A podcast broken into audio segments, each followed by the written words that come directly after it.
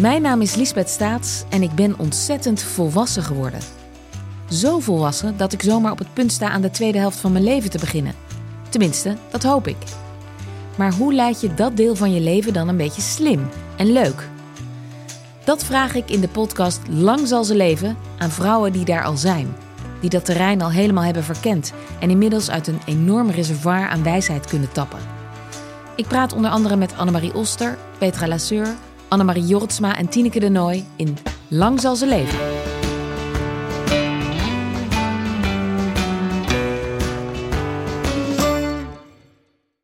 In Help, ik heb een puber, de podcast, ga ik Klun samen met columniste, schrijver en pubermoeder Ivanka van der Zwaan in gesprek over puberproblemen. Slaap, alcohol, sociale media, seks. Elke aflevering zit een expert bij ons aan tafel die ons bijpraat over een nieuw thema. Help, ik heb een puber, de podcast. Nu te beluisteren in je favoriete podcast-app. Kortie Media. Je luistert naar Lust. Mijn naam is Jacqueline van Lieshout, 48 jaar en na een relatie van 14 jaar sinds een tijd weer vrijgezel. In deze nieuwe fase van mijn leven ben ik actief op het datingpad en verrassend genoeg met een grote voorkeur voor jongere mannen. Dat is natuurlijk heel spannend, leuk en lekker. Maar bij alle dateplezier loop ik onbedoeld ook tegen allerlei vragen aan over vrouwelijke seksualiteit en relatievormen. Deze bespreek ik elke week samen met relatietherapeut en vriend Kruun Schram. En waar we nog meer verdieping zoeken, vragen we hulp van en aan experts die interessante inzichten opleveren. Of je nu vrijgezel bent, in een relatie of ergens tussenin, deze podcast is voor elke vrouw die zichzelf lust gunt. Zo, Kruun. Nou, hoe was het weekje? Uh, ja, je kijkt me veel betekenend aan. Ja. Want onze weken hebben voor een stuk op elkaar geleken. Want wij hebben allebei een detox gedaan. Ja, een detoxkuur. Ja, ja, Heerlijk. Ja, een detox, een sapjesdetox. En die is mij ontzettend goed bevallen. Ik moet wel zeggen, ik heb er een klein beetje een smokkeltox van gemaakt. Want Oh. s s'avonds met mijn gezin toch af en toe wat gegeten, maar minder dan normaal. Maar ook de soepjes. Ik heb zelfs eh, een soepje als eh, ontbijt genomen een dag daarna. Oh, heerlijk. En ik voelde me geweldig daardoor. Ja. Ja, dus ik ben, eh, ik ben ervoor. En wat, wat, wat ik zag, ze zijn allemaal regionaal, seizoensgebonden en 100% biologisch. Ja. En ja, dat is gewoon fijn. Meteen ingevroren. Ja, ik, ben, eh, ik was erg enthousiast over die, eh, over die detox. Ik ook. En ik ben daar erg in thuis. Al eh 14 jaar. Ik heb er veel boeken over geschreven. Maar inderdaad, de kwaliteit van die sappen zijn echt heel goed. Oprecht fantastisch. De smaak is goed. De receptuur is goed. Het is echt fantastisch gedaan met kruiden en zeewier en weet ik het. Ja, Geen opgeleukte appelsap, wat er heel veel bestaat. ja, ja. Driedaagse kuur. Nou, echt top. Top geleverd. Ja, ik kan er alleen maar de loftrompet over opsteken. Nou ja, weet je, ik ben natuurlijk een man van bijna 120 kilo. Dus hè, ik, voor mij is het meer afzien dan voor jou. Dat dacht Mhm. ik van de week echt. Want ik, ik heb normaal veel hogere calorieënbehoeften. Maar je hebt zoveel sapjes door de dag. Dat Ja. je, je wordt wel steeds, eh, oh ja, hij is er weer bijna. Ja, je dus je, wordt er veel. doorheen getrokken. Ja. Ja, en nog zo'n shotje middags. Het Ja. was echt, eh, echt een aanrader, jongens. Dus mocht je dit ook willen, ga naar sap.je en gebruik code LUST, L-U-S-T, voor 40% korting. Ja. Hoera. Daarnaast, als ik nog even mag, 100 Ja. dagen alcoholvrij vandaag. Oh, Dankzij jou. Jazeker, laat ik het gewoon maar hardop zeggen. En nog elke dag komen daar cadeautjes bij. ja hè? Ja, zo is ja, het. Ja, ook veel energie. En dat brengt me op, eh, nou, wat misschien wel het belangrijkste was voor mij deze week. Ik had mijn eerste intervisiegroep. Ik ben benaderd door een intervisiegroep naar aanleiding van de podcast. Allemaal relatietherapeuten, waarvan Oh, het grootste wat deel goed. fan van onze podcast. En die wilden me er graag bij hebben. En wat ik daar merk is dat ik daar mensen tegenkom die weer andere dingen kunnen dan ik. Hmm. En ik, eh, nou ja goed, sommige luisteraars hebben dat al begrepen. Ik verwijs ook graag door naar plekken waar ik denk dat mensen beter op hun plek zijn dan bij mij. Ja. En ik heb er gewoon weer een paar fantastische mensen bij waar ik naar eh, kan doorsturen. Oh, wat goed. Ja, Het verrijking van je werk. ja geweldig. En Ja. jouw week, laat ik toch. Nou, ik heb dus ook gesapkuurd, inderdaad. En dat was eigenlijk het meest prominente. Ik, eh, ja, dat. En wat dus wel belangrijk is, is dat je dan merkt dat je echt wil cocoonen. Ik althans. Mhm. En daar heb ik moeite mee, weet je, met ontspannen en dingen. Maar ik had ook even geen zin in eh, allerlei eh polonaises aan het lijf, zeg maar. Oké, een volledige detox. nou, dat, dat, Oh, op de dag drie dacht ik... Nou, er kan wel weer een pannetje op het vuur. Ik heb zelfs wat veertigers op het vuur nu. Hmm, Heel wonderlijk. Ja, Dat is nieuw. ja, ja, ik merk dan wel, aangezien we nu twintig afleveringen hebben gemaakt van de podcast, dat dat eh, bij sommigen toch eh, dat ze dat heel heftig vinden. Ja, de druk, de druk is hoog. hè? Oh ja, maar straks kom ik erin. Toen dacht ik, wat een arrogantie, weet je. Hoezo? Oh, dat en eh, speelt. en dat ze ook denken, ja, nee, maar jij, jij doet allemaal van die gekke dingen. Dat, dat is toch voor mannen een ding hoor. Ja, zijn ze geïntimideerd? Ja, ik, de- voorheen was het wel dat ze het ook heel interessant vonden. Vooral Mhm. de, het, het jonge spul, zeg maar. Maar eh, er zijn toch ook veel mannen die daar meteen een oordeel op hebben. Althans, dat zeggen ze dan tegen mij. Van, eh, nou, eh, ik vind het nogal wat hoor, wat je allemaal... Ook weer bijzondere gesprekken. Leuk. Ja, Ja, geweldig. ja, en dat seks dan zo'n item is. Hè? Ho- hoezo is seks een item? Ik denk, nou, ik weet niet Wat? met jou mis is. Hè? Ja, ja. Maar goed, ja. En dat brengt me toch bij een, eh, een soort vrouwenonderwerp. Want eh, we hebben vandaag een gynaecoloog te gast. ja De doctors leuk. in the house, ja. En bij veel eh, vrouwen geeft dat meteen ideeën over koude, koude eendenbekken, felle lampen, enge stoelen, hardhandige Norse artsen en gerommel in de intiemste zone. Maar gelukkig zit hier vandaag de allerleukste en liefste gynaecoloog van Nederland. The star amongst the doctors, darling. Ginny Chamorro weet alles van de bekkenbodem, de menopauze... en is ook nog eens expert op het gebied van leefstijl en ortomoleculaire therapie. Je hebt een alles-in-één consult bij deze vrouw. We draaien er nog net geen klassieke muziek bij, maar ik vermoed in haar praktijk dat dat wel zo is. Dat je op een fluwelen stoel zit met de heerlijke zachte klemmen voor de benen. Goed, Dr. Jen is in de house. Met haar gaan we het hebben over de vrouw, de levensloop. En alles wat je kunt doen om de boel zo goed mogelijk draaiende te houden. Want daar hou ik van. Welkom, Dr. Jen. Welkom. Wat een heerlijke introductie. Fijn, hè? Ja. ja. Heerlijk. Ja, nee, ik eh, graag. Ik zit hier. eh, Ja. Ik heb zin om te kletsen over eh, van Ja. alles en nog wat. Ja, het is natuurlijk interessant, hè? Lust en de gynaecoloog. Ja, eh, heb jij veel te maken met lustvragen van vrouwen? Om daar maar mee te beginnen. Ja, nou, ik, het is wel leuk. De gesprekken die wij natuurlijk even vooraf hadden, heb ik daar ook goed over nagedacht. En wat ik eh, zie, een, een bepaald gedeelte van mijn consulten gaat toch over, nou ja, vrouwen vanaf 45 plus. En als ik daar inderdaad een heel holistisch consult van maak, dus probeer te kijken naar nou ja, alles wat er in, eh, in haar leven gebeurt, hè, van, van voeding tot aan ontspanning, maar ook eh, ja, allerlei gynaecologische zaken en seks. Daar zit een- standaard vraag bij van hoe is je seksleven? Maar is dat uniek voor jou of is, doet iedere gynaecoloog dat? Eh, nee, dat als iemand voor het plaats van een spiraaltje komt of zo, dan doe je, vraag je niet hoe je seks, eh, tenminste, ik vraag dat niet. Nee. Maar ik bedoel meer te zeggen, een standaard vraag als je voor je hormoonbalans komt Mhm. en als je voor eh, de overgang bij me komt, is een standaard vraag hoe is je seksleven? En Jacqueline, dan ben ik verbaasd als iemand zegt hartstikke goed. Oh, echt? Ja, ik denk dat ja, de meeste vrouwen zijn er gewoon niet tevreden over. Ja. En dan heb ik het dus over de 45 plus vrouw. Oké, het is dus niet zo, zoals eh seksoloog Sandrijn van der Doef zei. Er zijn ook een heleboel vrouwen die het wel best vinden dat het niet meer gebeurt, bijvoorbeeld. Dat klopt. Er zijn veel vrouwen die zich op een gegeven moment eh, erbij neerleggen. Maar ja, als je dan dus specifiek vraagt van ben je tevreden over je seksleven, zijn er ook veel vrouwen die niet tevreden zijn dat ze zich erbij neergelegd hebben, hè? Ja. om het maar zo te zeggen. Ja. Maar dat klopt. Veel vrouwen hebben een manier gevonden ehm, ja, dat ze denken, nou ja, goed, ik doe het eh, op een andere manier. Of ik, eh, ja, de penetratie hoeft nu in ieder geval eh, even niet voor mij. Ja, de penetratie hoeft even niet. Het piffen, hè? daar hebben wij het heel veel over. Ja, Ja. dat wij ook toch veel, vaak gepleit hebben voor... eh, misschien moeten we, dat is wat kunnen ook heel goed aanhaalt... en heel veel mannen vinden dat dan gek... dat er is misschien wat minder focus op de pif, pifferij... penis in vagina seks moet zijn. Of ga je nooit zo en detail met vrouwen daarover Nou, ik heb natuurlijk, ik, ik heb twee praktijken. Hè. Ik werk in eh Acibadem en dat is echt de praktijk waar ik reguliere gynaecoloog ben en waar ik allerlei operaties eh, doe. Dat is echt een fantastische plek. En daar ja, ben ik gewoon eh gynaecoloog, zeg maar. En daar heb ik eh, nou ja, een half uur eh, de tijd voor de vrouwen als ze komen. Maar daar, ja, als vrouwen daar met hormonale problematiek komen, dat is natuurlijk veel uitgebreider. En dat was voor mij de reden dat ik eh Dr. Gin ben gestart. Dus dat ik mijn eigen praktijk daarnaast ben gestart. En dat ik die hele studie, orthomoleculaire studie daarnaast heb gedaan. Omdat ik gewoon ook die vrouwen... ehm, ja, omdat ik gewoon voelde dat ook die vrouwen te helpen waren. Maar dat ik een veel bredere kijk eh, moest hebben. En dat ik dat ook niet in dat half uurtje kon stoppen. Waar ik dan ook nog een lichamelijk onderzoek moest Ja, ja. doen. En een echo moest doen. Nee, dus, dus het zijn twee verschillende praktijken, zeg maar. Ja. Ja. Wat zou je nou als man willen weten van een gynaecoloog?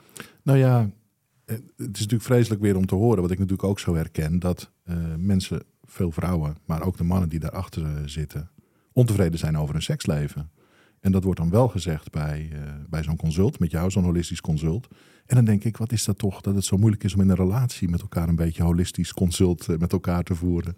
Van hoe beleven wij dit? Hoe, hoe vinden wij dit? Want het gemis wordt ervaren. Hè? Dat wordt bij jou ook uitgesproken. Ja. Maar om daar vervolgens dan thuis iets mee te doen, dat blijft gewoon heel lastig. Ja, ja, ja heeft, wat je toch ook veel ziet, vind ik bij vrouwen, dat ze heel, een hele kritische blik naar zichzelf hebben. Mm en dat ze zichzelf in vele opzichten vinden falen, toch eigenlijk wel. Ik, wat een vrouw het liefst zou hebben, is uh, een pilletje dat ze weer zin heeft, zoals uh, nou ja, in, de, in haar tienertijd, zeg maar. Um, dus ik denk dat dat stuk er ook wel mee te maken heeft. Ja. ja. Maar dat pilletje bestaat natuurlijk, dat heet verliefdheid. Alleen dat is heel lastig om weer op te wekken bij je eigen partner. Ja. En dat is de uitdaging uh, natuurlijk. Ja. ja. Want dat merk ik aan onze podcast wel. Dat ik de laatste weken ook best wel veel aanvragen krijg. Van mensen die zeggen: Ja, we zijn echt meer in gesprek aan het raken over seksualiteit. Ja. Door jullie podcast. Uh, maar wat is nu onze volgende stap? Wat gaan we doen? Hoe gaan we het weer aankrijgen? En dat is eigenlijk, nou ja, als ik jou hoor, denk ik van dat is gewoon zo'n ontzettend breed thema. Ja. Wat adviseer jij die vrouwen dan als jij dit van ze meekrijgt? Nou, ik ben heel blij dat er uh, seksuologen en, en allerlei hulpverleners zijn, want daar stuur ik naar door. Dat uh, heb ik Jacqueline ook duidelijk gezegd. Ja, ik ben niet degene die de seksuele adviezen gaat geven. Um, maar ik ben meer degene ja, die, het, uh, nou ja, die het probleem misschien ontdekt op een andere manier. Um, wat, wat mijn rol denk ik is, wat ik heel veel zie in de, in de praktijk, is dat vrouwen. Um, ontevreden zijn met, uh, met hun lijf, ontevreden zijn met um, hoe hun schaamlippen eruit zien. Dat zie ik ook veel bij jonge meiden. Uh, ja, wordt dat erger? Nou, het, wordt kritischer daarop zijn. Ja, het valt mij nu meer op. Misschien ook omdat ik uh, nu in Amsterdam werk. Ik weet het niet. Maar ik, waar ik altijd aan moet denken is dat meisje die bij me komt, die is, die is 14 notabene. Die komt met haar moeder en zij komen al binnen met van ja, het ziet er bij mij echt niet uit aan de onderkant. Uh, en die moeder deed vooral het woord. En die vertelde hoe, uh, ja, hoe asymmetrisch. En dat die schaamlippen, dat oh is echt niet normaal. En, um, dus ik dacht, nou, ik, ik ga straks echt een behoorlijke afwijking uh, zien. Hè? Ik was natuurlijk helemaal voorbereid om, ja, om haar zo goed mogelijk daarin te helpen. Ja, ik denk dat je het al een beetje aanvoelt. Het meisje dat gaat in de been steunen en ik kijk en het ziet er prachtig uit. Ze heeft gewoon hele normale, mooie schaamlippen ja, dat probeer je haar dan te vertellen. Dat probeer je die moeder te vertellen. Je probeert plaatjes te laten zien. Maar ja, het kwaad is eigenlijk al een beetje geschied. Hè? Zij wil gewoon die schaamlipcorrectie. En die moeder vindt ook dat dat moet gebeuren. En ja, ik denk dat dat wel een beetje mijn rol is. Um, om dan ja, zo goed mogelijk te vertellen wat een, wat een prachtig orgaan het is, wat mooi het eruit ziet, wat goed het functioneert. Um... Ja, maar dit zegt natuurlijk ook alles over de, de moeder zelf en haar eigen zelfbeeld. Uh, ik vind dat nogal wat om dat over je dokter, dochter te zeggen. Bizar. Ze is niet mooi. Ja, ja. Jeetje, mina. Het ziet er niet uit. Het ziet er echt niet uit. ja. Wat heftig. Ik vind dit eigenlijk wel heel interessant, want de vrouwen, we hebben het ook zo vaak gehad over de piemel. Hè? Jongens zijn vanaf hun tweede natuurlijk al daarmee bezig. Het hangt lekker maar aan de buitenkant. Je kunt het goed zien. Je kunt er snel mee spelen. Alles erop en eraan, bla bla bla. Uh, missen wij vrouwen contact met ons eigen lijf? Kijken we er te weinig naar? Kijken we er überhaupt naar? Ja, mooi dat je het zo, uh, zo vraagt. Ik, ik, wat ik merk is dat um, ik ben natuurlijk gespecialiseerd in de bekkenbodem. Hè, en ik vind dat veel vrouwen vooral hier in Nederland zich niet zo bewust zijn van wat ze allemaal met die bekkenbodem uh, kunnen doen. Hè? Ja. Vrouwen in, uh, in, in Azië, geloof ik, zijn veel meer gewend om de man te kunnen pleasen met. Uh, Vertel, ga door. Elaborate. We krijgen en, tips, tips, gouden tips. nou ja, goed, om, om, om meer bewust te zijn van de bekkenbodem. wat ik bijvoorbeeld doe bij bekkenbodemproblematiek, is dat ik. Um, als iemand een verzakking heeft of, of uh, nou ja, incontinentieklachten, uh, is ze soms ook inzicht geven in hun eigen bekkenbodem. Dus dan kan je. Heb je het dan over die spier, die acht met nog een rondje eronder? Of ja, over je hebt anders? heel veel bekkenbodemspieren. Oh. Ja, dan ga ik je eens een keer allemaal laten zien, nou, die plaatjes. Nee, maar, ja, maar vertel, vertel eens. Ja. Geef tips.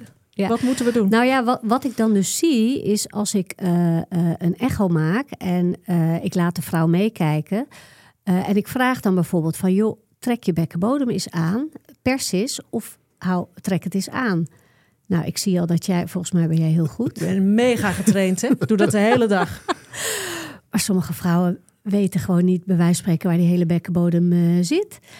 Ehm, en dat is natuurlijk heel leuk om dan zo'n echo te laten zien. En eh, ja, dat ze dan zelf ziet van, oh oké, als ik dit aantrek, oh ja, ik zie daar inderdaad wat gebeuren. En als ik het weer loslaat. En je kan zoveel met die bekkenbodem. Je kan ontspannen, je kan aanspannen, je kan daar heel veel mee.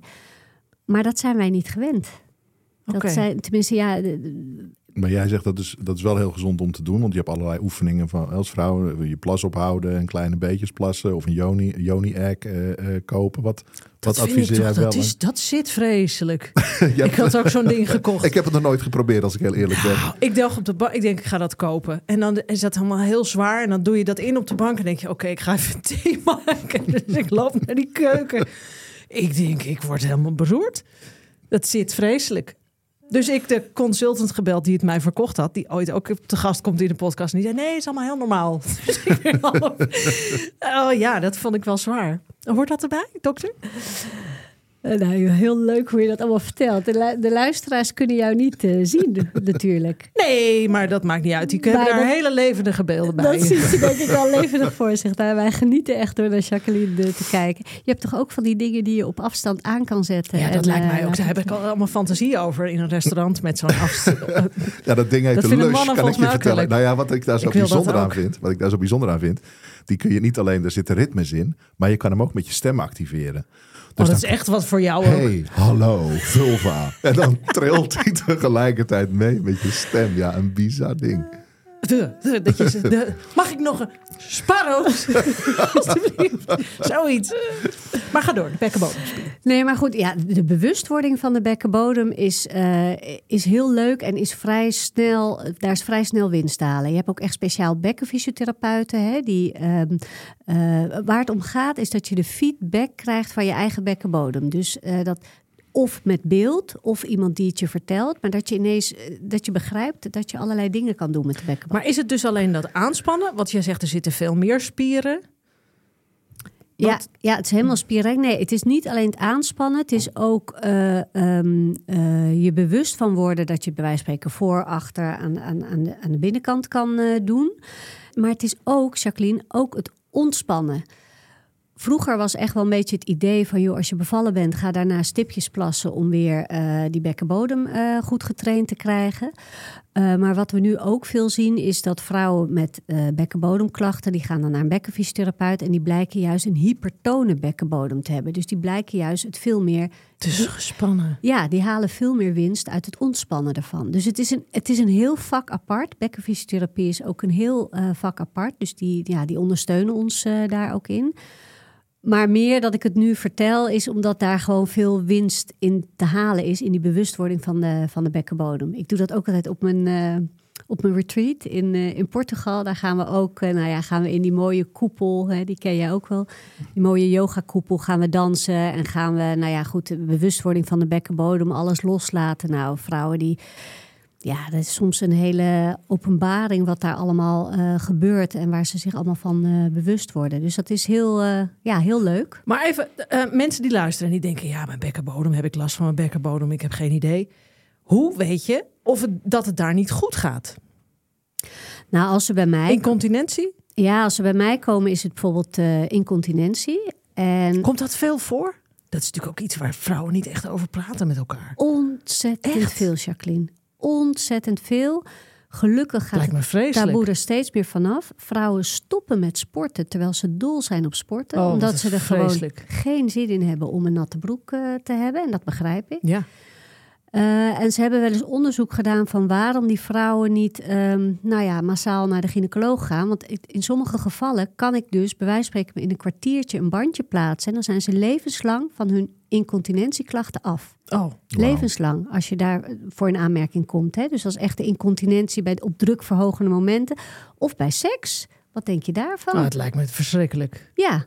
Vrouwen, Nou gaan naar de gynaecoloog. ja, ga alsjeblieft. Want eh, iedere gynaecoloog weet dit. Die weet dit bandje en die... Ja, gynaecologen, urologen. dit is gewoon een. eh, ja, dit, Vergoede ja, therapie. dit weet iedereen. Wordt ook allemaal wordt ook vergoed. Echt. Maar Ja, goed, Nou, Ja. Waardevol. En dat kan echt de kwaliteit van levenssprong natuurlijk eh, geven. Enorm. Maar er zijn ook heel veel vrouwen die inderdaad met dat bevallen. eh, ik heb daar ook wel eens aan gedacht van, oh ja, nee, ik bedoel, mijn dochter is 12. Van, oh, is daarna alles nog wel zoals het was? En even een, een verhaal. Dan ga je weer van smullen, Kruun. Ik had een, eh, een heerlijke lover. Eh, ik ging bijna zijn naam noemen. Van 25. En daar kon ik zo mee lachen. Ook die zei: Ja, ja, ja. Ja, wij hebben toch een beetje het idee dat vrouwen die bevallen zijn. dat je daar dan een frikandel door een gang gooit. Dus ik dacht, wat ik een is dit voor opmerking? Ja. Nou, echt niet normaal. Nee, maar het was dus... Hij zegt, wat erg hè, dat ik dit zeg. Ik zeg, ja, ik, zeg, ik heb er toch een klein beetje moeite mee. Maar het goed, werd toch nog een leuke vrije partij, of niet? nou, zijn eindoordeel... Ja, daarna zei ik dus... Ik denk, nou, ik, ik slik even mijn trots in en angst. En ik heb het hem toch gevraagd van... ehm, nee, zet hij, het was exact tegenovergesteld. Ik denk, dan heb ik toch twaalf jaar lang die oefeningen niet voor niks gedaan. oh, geweldig. Want is dat een angst van veel vrouwen? Van straks. We hebben ook allemaal angst. Hè? Ik weet niet of jij dat weet als man, maar zoveel angst. Inderdaad, zijn mijn schaamlippen goed? Eh, ruik ik niet goed? Eh, ik heb een uur geleden gedoucht. Straks vindt hij het vies. Straks is er dit zoveel. Daar hebben mannen denk ik geen idee van hoeveel toestanden wij allemaal hebben. Nee. Maar klopt. dus ook bij, zijn we nog wel strak genoeg? Ja, klopt. Of, of verzakkingen. Wat denk je van verzakkingen? Een baarmoeder die gewoon eh, uit de uitgang komt eh, kijken. Dat is voor jou allemaal gesneden koek. Nou ja, ik maar- moet meer om jouw reactie natuurlijk eh, lachen. Ja, nee, voor mij is dat inderdaad heel normaal. Ja. En ik ben zo blij als vrouwen komen. Ik, weet je, ik, vorige keer had ik een Turkse dame die schaamde zich dood. Nou, schaamde zich niet alleen dood. Ze dacht dat ze kanker had. Jarenlang dacht die vrouw dat er een bobbel uit haar vagina kwam... dat ze kanker had, dat ze ging overlijden. Jarenlang heeft ze dat gedacht. Komt ze bij mij... ehm, uiteindelijk doordat, eh, nou ja, goed, doordat een dochter, ik weet niet hoe dat allemaal precies gegaan was, maar ze komt bij mij. Nou, ik vertel haar dat het een verzakking is waar wat aan te doen is. Maar als ze er geen last van heeft, hoeft ze daar niks aan te doen. En ze kan er natuurlijk oud mee worden. Uh, ze hebben echt kusjes gegeven, continu. Ja, dat snap ik. Jarenlang. Maar vrouwen wachten dus lang met hun dingen. Is ja, dat wachten lang, praten er niet over. En daarom ben ik ook blij dat ik, nou ja, steeds meer, hè, dat ik nu bijvoorbeeld Mhm. hier zit voor de podcast. Eh, dit kan toch weer mensen, vrouwen alert maken van, goh, laat ik er maar gewoon eens een keer naar laten kijken. En dan weet ik tenminste, weet ik tenminste hoe het zit. Sterker nog, maar dan weet ik ook wat er eventueel aan gedaan kan worden. Want heel veel met die urineincontinentie hebben ze wel eens onderzoek gedaan van, joh, waarom komen vrouwen niet eh, naar de hulpverlener? En dan staat er bijvoorbeeld, nou, 50% weet niet eens dat er wat aan gedaan kan worden. Maar ook dat ze met allerlei eigen oplossingen gaan komen. Of dat ze denken, nou, ik moet niet zeuren, weet je. Of dat ze dan met enorme maandverbanden gaan lopen. Of dat hoort erbij. Ja, ja. Of dingen dus gaan laten, hè. Dus dat sporten gaan laten. eh, nou ja, seks misschien gaan laten. Ja. Ja, dat is voor mij wel een eye-opener. Omdat ik me realiseer dat natuurlijk ook in heel veel relaties... eh, Ik krijg natuurlijk doorgaans mensen waarbij de seks verdwenen is. En dat dit een rol kan spelen. Dat een vrouw het niet alleen ontwijkt om, vanwege pijn... maar bijvoorbeeld ook vanwege incontinentie of andere zaken... waar ze zich gewoon oncomfortabel bij voelt. Ja. Ja, zeg ook schaam naar haar man, hè? Dat niet durft te zeggen. Niet durft te zeggen, ja. Ja. ja. ja. Want jij, jij zegt dat de, de geur verandert dat. Want dat heb ik wel eens gehoord van een vrouw. Die zei, ja, ik heb het gevoel dat na de menopauze... dat ik anders ben gaan ruiken. En dat maakt haar heel terughoudend. Is Ja. dat feitelijk zo? Is dat bewezen? Of hoe ziet dat eruit? Nou ja, continu verandert het. Hè? Mhm. eh, eh, ook in je vruchtbare fase, maar ook in, in een maand alleen al. Hè? Verandert continu geur, continu verandert de samenstelling van je afscheiding. Eh, ja, vrouwen willen, dit zie ik heel veel bij de jonge meiden, die willen het liefst geen afscheiding. Ja, afscheiding is echt normaal. Dat Echt. is ook om alles gezond te houden, toch? Ja, is hartstikke gezond afscheiding. Ja. En ehm, ehm, nou ja, goed, maar inderdaad, dus dat is continu, dat verandert continu. Ja, Ja, dus Ja. dat hoort er ook gewoon bij. Ja dat hoort er gewoon bij. En ja, en, ehm, want jij, je je praat met vrouwen over die seksualiteit. Is het belangrijk voor een vrouw om haar seksualiteit levend te houden in die zin? Is dat fysiek ook relevant? Nou, ik praat veel met vrouwen over eh, hoe ze hun kwaliteit van leven zouden willen verbeteren. Die vrouwen waar ik mee dan op retreat ga. Hoe zou jij je kwaliteit van leven eh, willen verbeteren? En ehm, seksualiteit is daar ook heel vaak een eh, onderdeel van. Ja, waar ze zelf mee komen. Mhm. Ja. Maar dat is kwaliteit van leven, dus dat is beleving. Dat is niet zozeer fysiek, dat dat per se... dat het voor je gezondheid, ouder worden, langer gezond blijven... Eh, nou ja, goed, als je doortrekt, eh, seksualiteit, de, de, de binding, hè, wat je dan met je, met je man hebt. Maar Mhm. ook, nou ja, De lichamelijke inspanning is ook goed, toch? Ik bedoel dat, uh, ja. Ja, maar je knapt er toch ook van. Ik bedoel, als je weer lekker uh, frequent seks hebt op de manier waarop je dat wil, met wie je dat wil, dan word je daar heel gelukkig van. Ja, maar ik heb de man is bijvoorbeeld een koppeling met prostaatkanker, hè? actief of niet seksueel actief zijn. Oh, echt? Is het dan als je dat niet bent dat je het dan eerder Meer kans krijgt? hebt, ja. Ja? Dat, heb, dat heb ik in het hoofd zitten. Nou ja, zaadlozingen zijn goed. Hè? Dat, uh, ja. Maar ja, het is niet zoals een vrouw uh, drie jaar geen seks heeft, dat ze dan een hogere kans heeft om uh, allerlei ziektes te ontwikkelen. Ja. Maar het is wel zo, use it or lose it. Uh, en um, ja, een dametje van 80 die helemaal geen penetratie meer heeft, kan zijn dat het steeds meer, steeds meer dichtgroeit. Uh, wat vind jij ook wel leuk, denk Jacqueline, om te horen. Uh, wat dat je... het gaat dichtgroeien nou, nee, nee, nee, nee, dat niet, dat niet. Maar nou, dan uh, maak ik er nog even Nou komt dat spinnenwebbenverhaal ineens toch? Nee, dat moet oh, nee, nee, nee, nee. Ik bedoel, wat jij leuk vindt om te horen, denk ik, is... Um, een vagina is een geweldig orgaan. Een vagina past zich helemaal aan. En dat zie je natuurlijk bij een bevalling, hè? Uh, hoofd, ja. de, de, hoe het zich... Hoofd, schouders, knie en teen, uh, dokter Jen. Natuurlijk heel mooi met al die plooien en, en ja, ja hoe prachtig. het zich... Lekker, heel lekker ook. uh, maar wat je dus ziet is dat um, uh, als jij jarenlang een partner hebt met bij wijze van spreken een grote penis, past die vagina zich daar ook op aan. Uh, en als jij jarenlang een partner hebt met een kleine penis, ja, dat is natuurlijk heel mooi dat het zulk elastisch weefsel is. ja. Ja. Andersom is dat niet zo, kan ik je vertellen. De penis past zich nergens aan aan. Die blijft nee. gewoon wat die is. Het is, het is een soort prachtige metafoor voor man-vrouw dit. Ja, dat is nou dat is zo hè. Het is toch weer een wonder. Ja, je kan dit wow. grote gewoon hebben. Nou, wat, laten we even iets terughalen wat jij eerder zei. Van, uh, dat als een penis de baarmoedermond raakt... Mm. dat er meer oxytocine wordt aangemaakt. Dus dat er meer binding komt. Ja, en dat, dat, dat heb ik geleerd. Dr. Jen valt nu van haar stoel. Ja, nee, klopt. Want ik heb dat geleerd in mijn farmaciestudie. Maar Rick van Luns heeft het al tegengesproken. Volgens mij is dat niet zo. Of wel? Ik heb dat ooit geleerd van professor Zaagsma. Dus dat zit zo Wat in mijn hoofd. Ja. Um, bij het aanstoten van de baarmoedermond zou oxytocine vrijgemaakt worden. Ook natuurlijk bij, bij zogen van een baby. Ja, dus bindingshormoon. En dat zou verklaren dat een vrouw bij seksualiteit meer verbinding met de partner Oh, opbouwt. Wanneer die groter groter is. Ja. Maar ik twijfel daar intussen aan. Oh yeah, volgens baby. mijn hemel. Ja. nou, Nou, het oxytocine is natuurlijk een prachtig hormoon. Hè? Ja. Eh, en ehm, eh, wat je bijvoorbeeld na de bevalling eh, ziet, is ehm, eh, als dan nou ja, de moederkoek op een gegeven moment geboren moet worden, dat oxytocine zorgt echt voor dat die baarmoeder ook lekker goed kan knijpen. En dat gebeurt natuurlijk met, met klaarkomen ook. Hè? Dat kan je een baarmoeder echt voelen contraheren. Dus Ja. echt samen voelen eh, knijpen. En dat is inderdaad dat, eh, dat oxytocine. Maar ik vind dit wel een leuke. Ja. Voor jou leuk wat je zegt. Ja, ja, dus dan zou Oh, je nou, bij nou, nou, ze zou toch nog steeds kunnen kloppen, merk ik weer. mannen met Dat- een grotere penis heb je dan meer. Nou, als ik je dat ook nog mag mee. vragen. We hebben ooit Brechtje gehad, eh, Tantra eh, mevrouw. En die vertelde dat zij disarming doet. Disarmoring, als ik het goed zeg. En dan ga, gaan ze met zo'n rozenkwartswand... gaan ze de spanning in je baarmoederhals, baarmoedermond loshalen. Oké. Oké, zegt dokter Jim. Met het vingertje. Nee, maar goed, ik wil helemaal niet vragen, is dat goed of niet? Want het wordt hier geen goed of fout verhaal. Maar ik ben even benieuwd, kan er heel veel spanning zitten in zo'n baarmoederhals? Verkramping. Nou, ik, ik, ik denk, ehm, eh, en dan begin ik, weer, begin ik weer over die bewustwording. Ik, wat ik heel veel zie in de praktijk is dat ehm, als ik uitleg hoe de anatomie er alleen al uitziet en hoe het zit met de baarmoedermond, hoe het zit. Weet je, dan vragen vrouwen van, joh, ik krijg nu een spiraaltje, maar is dat niet eh, vervelend als ik straks eh, seks heb? eh, komt dan de penis niet bij het spiraaltje? Hè? Ja, dan teken ik waar het spiraaltje zit en dan teken ik waar de penis zit. Soms denken ze ook dat de schade kan, dat een penis schade kan aanrichten. Hè? Als je harde, harde seks hebt, dat het dan. ja, of dat die draadjes in de eikel prikken. Ja, dat maar dat kan, dat kan dan weer wel.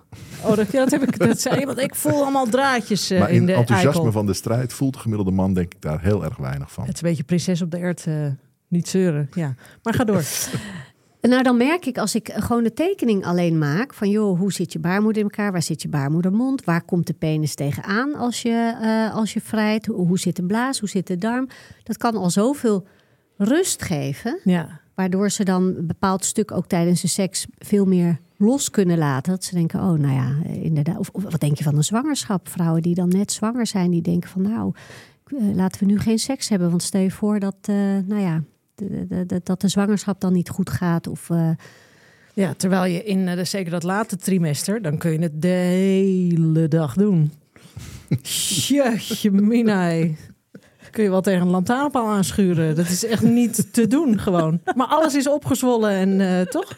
Ja, toch? Er zijn vrouwen die inderdaad, uh, ja, hormonaal gezien verandert er ook uh, van alles. Maar inderdaad die dan heel veel zin in seks hebben. Ja. En dat kan, mag ook gewoon, dat kan ook gewoon, ja.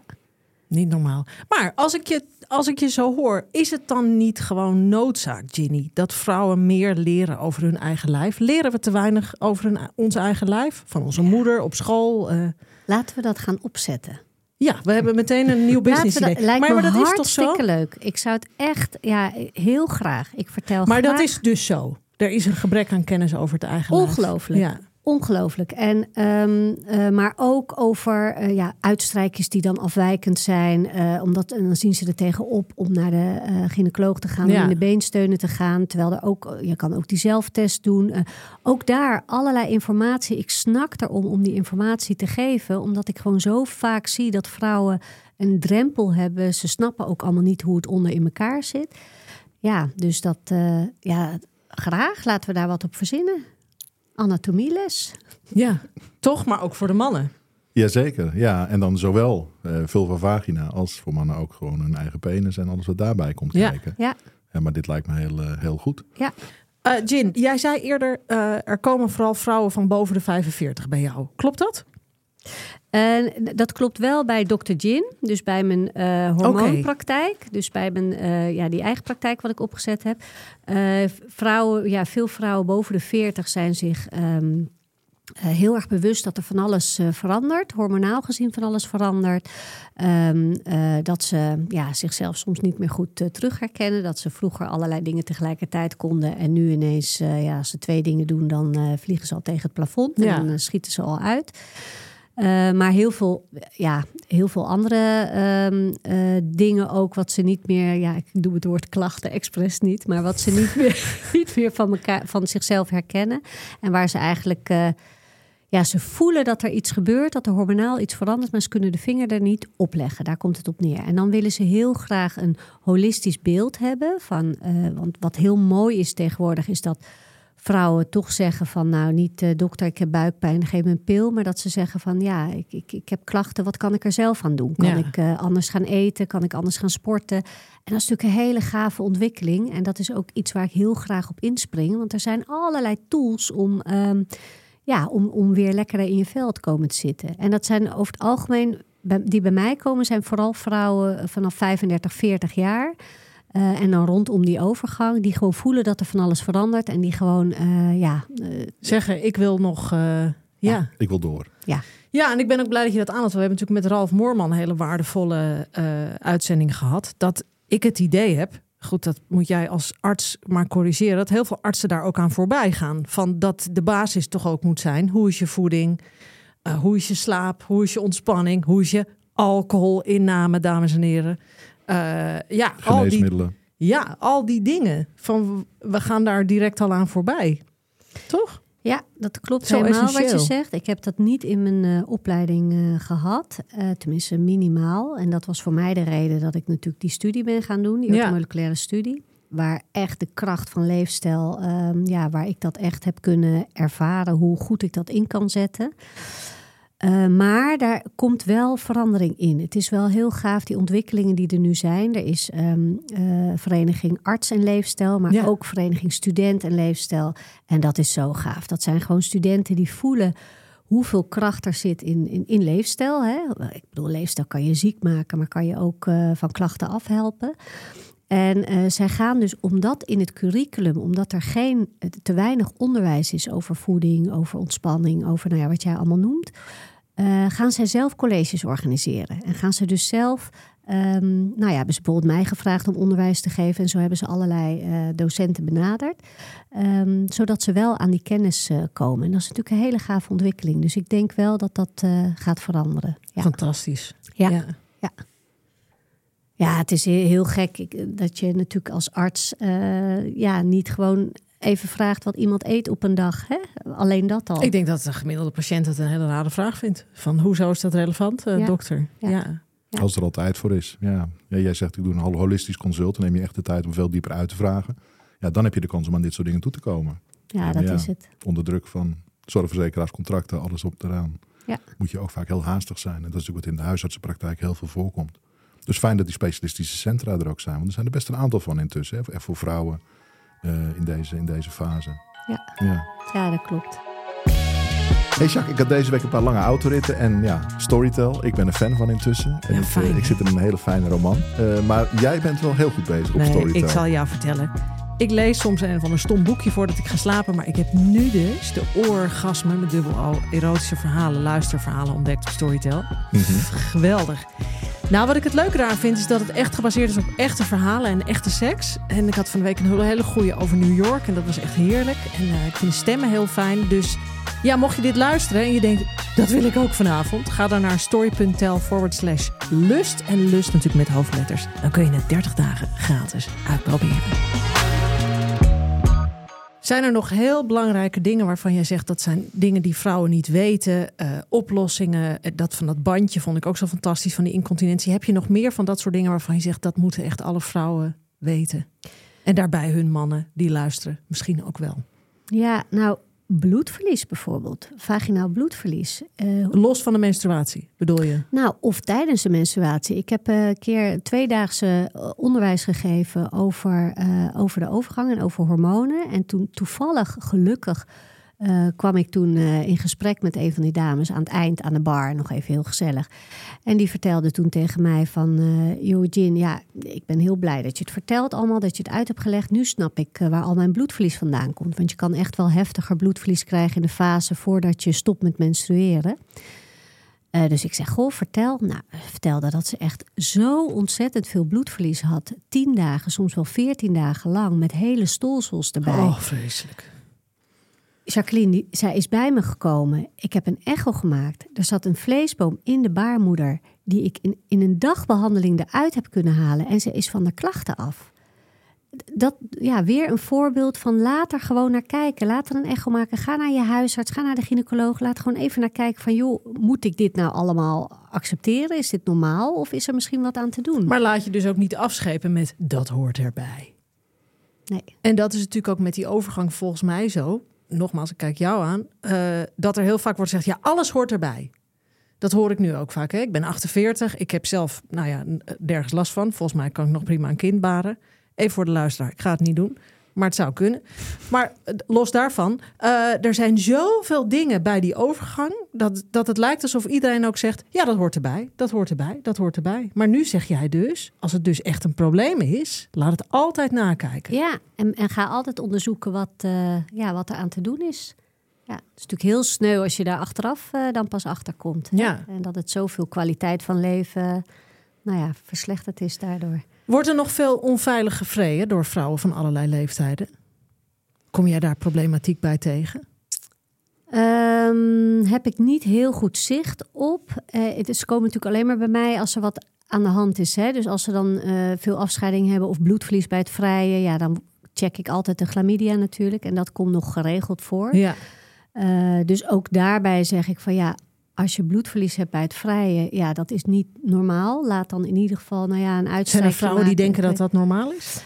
Nou, een beetje negeren dan. Hè? Oké. En denken van, nou ja, goed, ik moest, eigenlijk moest ik ook ongesteld worden over drie dagen. Dus het zal wel, eh, dat zal Ja, het ja. wel zijn. Ehm, ja, dus...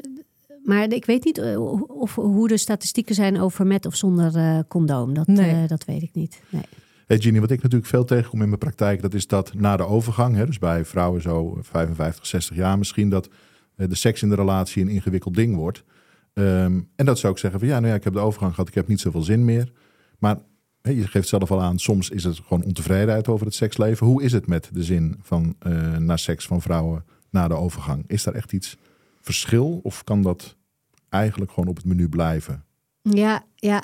Nou, wat een, een, een essentieel verschil is, wat ik merk in de praktijk, is ehm, eh, of je oestrogeen hebt of niet. Hè? Eh, om, om maar even uit te leggen, oestrogeen is het hormoon nou ja, waar jij nog lekker in zwemt, Jacqueline.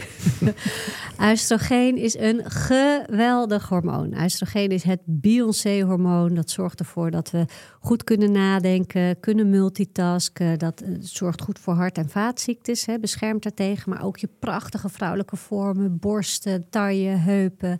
Zorgt ervoor dat we vruchtbaar zijn, wulps, sexy. En dat, ja, inderdaad. En dat wordt gewoon op je gemiddelde 51 jaar worden die eierstokken, die, die produceren dat oestrogeen, dat wordt gewoon uitgezet. Zonder overleg. Gewoon, gewoon zo. Hop. Zonder overleg. Zegt de natuur van, klaar. Doe je oestrogeen. Ook bij mij. Dat gaat ook bij jou gewoon. Oh, oké. Okay. Ja. En dan zegt de farmaceut in mij, plak een pleister met HRT, hè, met de hormone replacement therapy. Ja. En wat zeg jij dan? Ja, waar sommige vrouwen enorm van opknappen en waar veel te veel uh, angst voor is. Angst voor is. Ja. Dus da maar daar moeten we ook een apart hoofdstuk voor doen. Want dat Ja. is echt, daar is zoveel over te vertellen. Ehm, en dat is. Ik heb vrouwen kwaliteitsverbetering in hun leven zien maken, juist door die HRT. Maar ik begin altijd eerst met leefstijl. Hè. Eerst moet je kijken of je wat leefstijl betreft waar winst te halen is. Maar goed, dat is een, een ander onderwerp. Dus dat oestrogeen, maar oestrogeen keeps you juicy from vagina till joints. Heerlijk. Dat zegt Sarah Gottfried, een gave gynaecoloog uit Amerika. Maar het zorgt voor collageen, voor vochtvorming eh, rondom je gewrichten. Hè. Veel vrouwen die zeggen na de overgang lijkt wel een uh, oud wijf als ik uit mijn bed op moet staan. Nou, dat klopt. Spieren, gewrichten, daar heeft het oestrogeen invloed op. Maar ook op je vagina, op de vochtigheid van je vagina. Uh, en wat je ziet bij vrouwen na de overgang is... Um, die vagina is dan dus niet meer door dat oestrogeen vochtig van zichzelf... Die klieren, als jij zin hebt in seks, die klieren die dan vocht aanmaken, die blijven het doen. Die blijven het doen. Ik heb nog een vrouw van 80 die drie keer in de week uh, pif, noem jij het? Lekker piffen. Ja, lekker piffen. en die er heerlijk van geniet. En die zegt, nou, ik ben hartstikke vochtig en het is, uh, het is verrukkelijk. Heerlijk. Dus die klieren Ja. blijven het doen. Maar je vagina is niet meer vanuit zichzelf vochtig. Dus wat je heel veel ziet bij vrouwen na de overgang, is dat trucje wat ze voor de overgang deden, dat werkt niet meer. Dus het trucje van, nou ja, ik, ik heb eigenlijk niet zo'n zin, maar laten we maar gewoon beginnen. En als we dan even bezig zijn, dan uh, weet ik, krijg ik, uh, krijg ik vanzelf wel zin. Maar ja, als jij begint uh, met piffen, ik blijf het een leuk woord vinden, en je bent droog, dat doet natuurlijk hartstikke veel pijn. Ja. Ja. En die komen dan in een bepaalde cirkel dat ze al weten dat het pijn gaat doen, dat ze zich gaan aanspannen. Het doet dan ook weer pijn. Ja, en op een gegeven moment denk je van, nou, uh, laat maar. Dus het is na de overgang van essentieel belang dat je zin hebt in seks, omdat je gewoon dat vocht van die klieren nodig hebt. Je bent niet meer zoals jij van jezelf vochtig met dat prachtige oestrogeen. Ja. Dat heb je niet meer. ja, maar dat is precies wat Rick zei. Ja, je hebt veel meer je- stimulatie Als je nodig. leuke seks wil hebben, naarmate je ouder wordt, moet je de seks steeds leuker, leuker Ja, maken. je moet gewoon leuker maken. Ja, ja. Ja. En niet glijmiddelen erbij halen en zo. Probeer dat gewoon, ja. Ja ik zie, ik zie Nee, je nee, inderdaad nee, kijken, daar moeten, we, moeten we wegblijven. En dat ben ik helemaal met je eens. Ja, gaat van nature. Ja, we moeten het niet problematiseren. We moeten er juist meer aandacht aan geven. Hè? En we moeten, dus, ja, we moeten daar met z'n tweeën over praten. En dan, dan komt dat goed. Nou ja, ook dat hele dat pif-idee van de- wat heel veel mannen hebben. Zo, heel veel, niet allemaal, maar zo van ja, ik ben stijf, dus er kan geneukt worden. Ik zeg het maar even zoals het is. En daar moeten we natuurlijk ook vanaf. Daar moeten we vanaf. Ja. Want eigenlijk zou je als vrouw moeten zeggen, misschien in iets andere bewoording, van ja, jij bent stijf, maar ik nog niet. Dus ja, eh, get me an erection, eh, baby. Ja, Jacques, ik sta aan je kant. Nee, Kijk, dat weet ik, dat, weet ik. Ja. Dat zeg je altijd. ja, Ja. ja. Dus- we moeten daar vanaf. Maar fijn dat alles blijft werken, zoals Rick ook zei, tot je zus tussen zes planken ligt. Ja, ja dat klopt. Ja, ja, dat is heel fijn. Ja. Eh, wil je nog iets vertellen dat je zegt dat is belangrijk voor vrouwen om in hun hele leven goed zich bewust van te zijn? Nou, ik denk als we het een beetje hebben over de fase waar jij nu in zit, Mhm. hè, ehm, eh, dan is het denk ik goed om te beseffen. Kijk, weet je, 51 jaar stoppen met menstrueren en opvliegers hebben, ja, dat herkent iedereen. Dat is de overgang. Hè? Maar je kan je voorstellen, eierstokken stoppen natuurlijk niet van een op de andere dag daarmee. Dat is een proces. En er zijn heel veel vrouwen tussen de 40 en 50, wat ik al zei, die voelen dat er hormonaal gezien van alles verandert. Hè? Als je kijkt naar de hormonen van de eierstok, die vrouwelijke geslachtshormonen progesteron, oestrogeen. Nou, de oestrogeen hebben we net besproken. Maar dan zie je dat als eerste dat progesteron gaat dalen en daarna het oestrogeen. Die fase dat dat progesteron daalt, is een fase waarin veel vrouwen merken: ik word onregelmatiger ongesteld, ik bloed ineens veel meer, uh, ik ben veel prikkelbaarder, ik slaap s'nachts slecht. Ik word twee uur, twee uur s'nachts wakker. Ik zit drie uur lang naar het plafond te kijken. Of ik word ochtends vroeg wakker. Ik word moe. Ik moet me door de dag heen slepen. Nou ja, allemaal van die klachten wat je dan misschien niet heel goed kan duiden. Maar wat echt te maken kan, kan hebben met die hormonale shift. En als je vrouwen dat uitlegt. En als je uitlegt wat die hormonen doen. En hoe bijzonder zo'n hormoonbalans uh, eigenlijk is. Hoe mhm. bijzonder dat is als dat allemaal goed gaat. Maar ook wat ze er zelf aan kunnen doen om dat weer meer in balans te krijgen. Ja, dat, dat vinden vrouwen ook gaaf. Die snakken naar die kennis, die, die begrijpen hun lijf meer. En die weten dan ook aan welke knoppen, welke tools ze kunnen inzetten om zich weer uh, beter te voelen en minder klachten te hebben. Ja, en als vrouwen met meer kennis door die fases heen gaan, dan knapt het thuis in je relatie natuurlijk ook meer op. Dus meer, dat is eigenlijk het belangrijkste wat we van jou meekrijgen. Echt vanaf gewoon klein meisje af aan kennis over je lijf. Wat zit waar? Wat voelt zo? Zit eraan? Kijk ernaar. Doe je ding geef dat ook aan mijn dochter mee. Hè? Enjoy it, darling. Ja, ja. ja, ja. Nou ja, en, en deel het in zekere mate met je man en partner. Kijk, er zijn van die vrouwendetails waarvan ik gewoon weet van ja, dat is voor mannen ingewikkeld. Nou, maar deel het ook met je vriendinnen, want vrouwen moeten er onderling ook over praten. Ja, ja. ja. Want dat doen ze ook vaak niet. Nee, dat klopt. Nee, dat klopt. Nee, ook niet over zwangerschap, ook niet over bevalling, ook niet over niks. Nee. Geniet ervan, hè, zeggen ze dan als je een baby hebt. Terwijl je half daar ligt van, ik word helemaal beroerd. maar het is allemaal, geniet er maar van. Ja, ja. dat klopt wat je zegt. Ja. Dus er is veel meer uit het leven te halen, dokter Jen. Ja, ja. En daar ben jij een hele, hele, heel groot voorbeeld voor. Ik hoop ook voor jouw vakgroep dat ze dat uh, wat over gaan nemen. Ja, ze vinden het leuk. Ze vinden het heel leuk. Ja. ja. ja. Of denken ze nou al dat getut van die. Uh, nee hoor, nee hoor. Ze vinden het heel leuk. Ze hebben zelfs gezegd: uh, Eugene, kunnen die op een gegeven moment even een middagje waar je een beetje kan vertellen wat je allemaal doet, wat je allemaal geleerd hebt. Dus nee hoor. Dat, je moet uh, colleges gaan geven uh, aan gynaecologen. Ja, huisartsen doe ik het al. Ja. Geaccrediteerde opleidingen ja. geef ik daar aan. ja, dus dat vind ik ook leuk. Heel goed. Geweldig. Als je nou één tip helemaal vooraan, bovenaan zou willen zetten, welke zou het zijn? Ja, dan kom ik toch terug op het, het kennen van je eigen lijf, wat natuurlijk een heel belangrijk stuk is, maar ook um, signalen die jij voelt. Hè? Als je denkt van, goh, dit, dit, dit klopt niet, hier, hier klopt iets niet. Um, doe daar alsjeblieft echt wat mee. Hè? Dat kunnen kleine signalen zijn die als je die negeert, kunnen ze groter worden. Uh, maar ook, en daar moet, heb je best kracht voor nodig, ook als je naar een hulpverlener gaat uh, die dan zegt van joh, inderdaad, hè, wat jij zegt, Jacqueline, van joh, het hoort erbij. Of nee hoor, dit is allemaal niks. Als je dan toch voelt van ja, ik, ik mijn cyclus is nu onregelmatig of ik heb bloedverlies, er, er klopt iets niet. Ja, ga dan toch, vraag toch voor die stap, voor die stap verder. Ja. Mooi. Hartstikke goed. Ja, dankjewel. Nou, mocht u er meer willen lezen, zien, bekijken van Ginny, Dr. Gin, ga dan naar haar website www.drgin.nl. En Dr. Gin spel je D-R-G-Y-N-N. En met Dr. Gin kun je haar ook vinden op Instagram. Ja, en hoe? Hè? En hoe? Ze staat nog net niet vanuit de OK. Nou jongens, ik heb weer een uh, verzakking uh, geregeld vandaag. De wereld is weer mooi. Fijn dat je er was, lieverd. Ja, Hartstikke goed. Je doet prachtig werk. Ja, het Heel was heerlijk om hier te zijn. Ik heb genoten. Heel fijn. Nou, lieve luisteraars, dank je voor de mooie inzichten, Gin en Krun. Uh, maak er een mooie week van. Het leven is te kort om het niet te doen.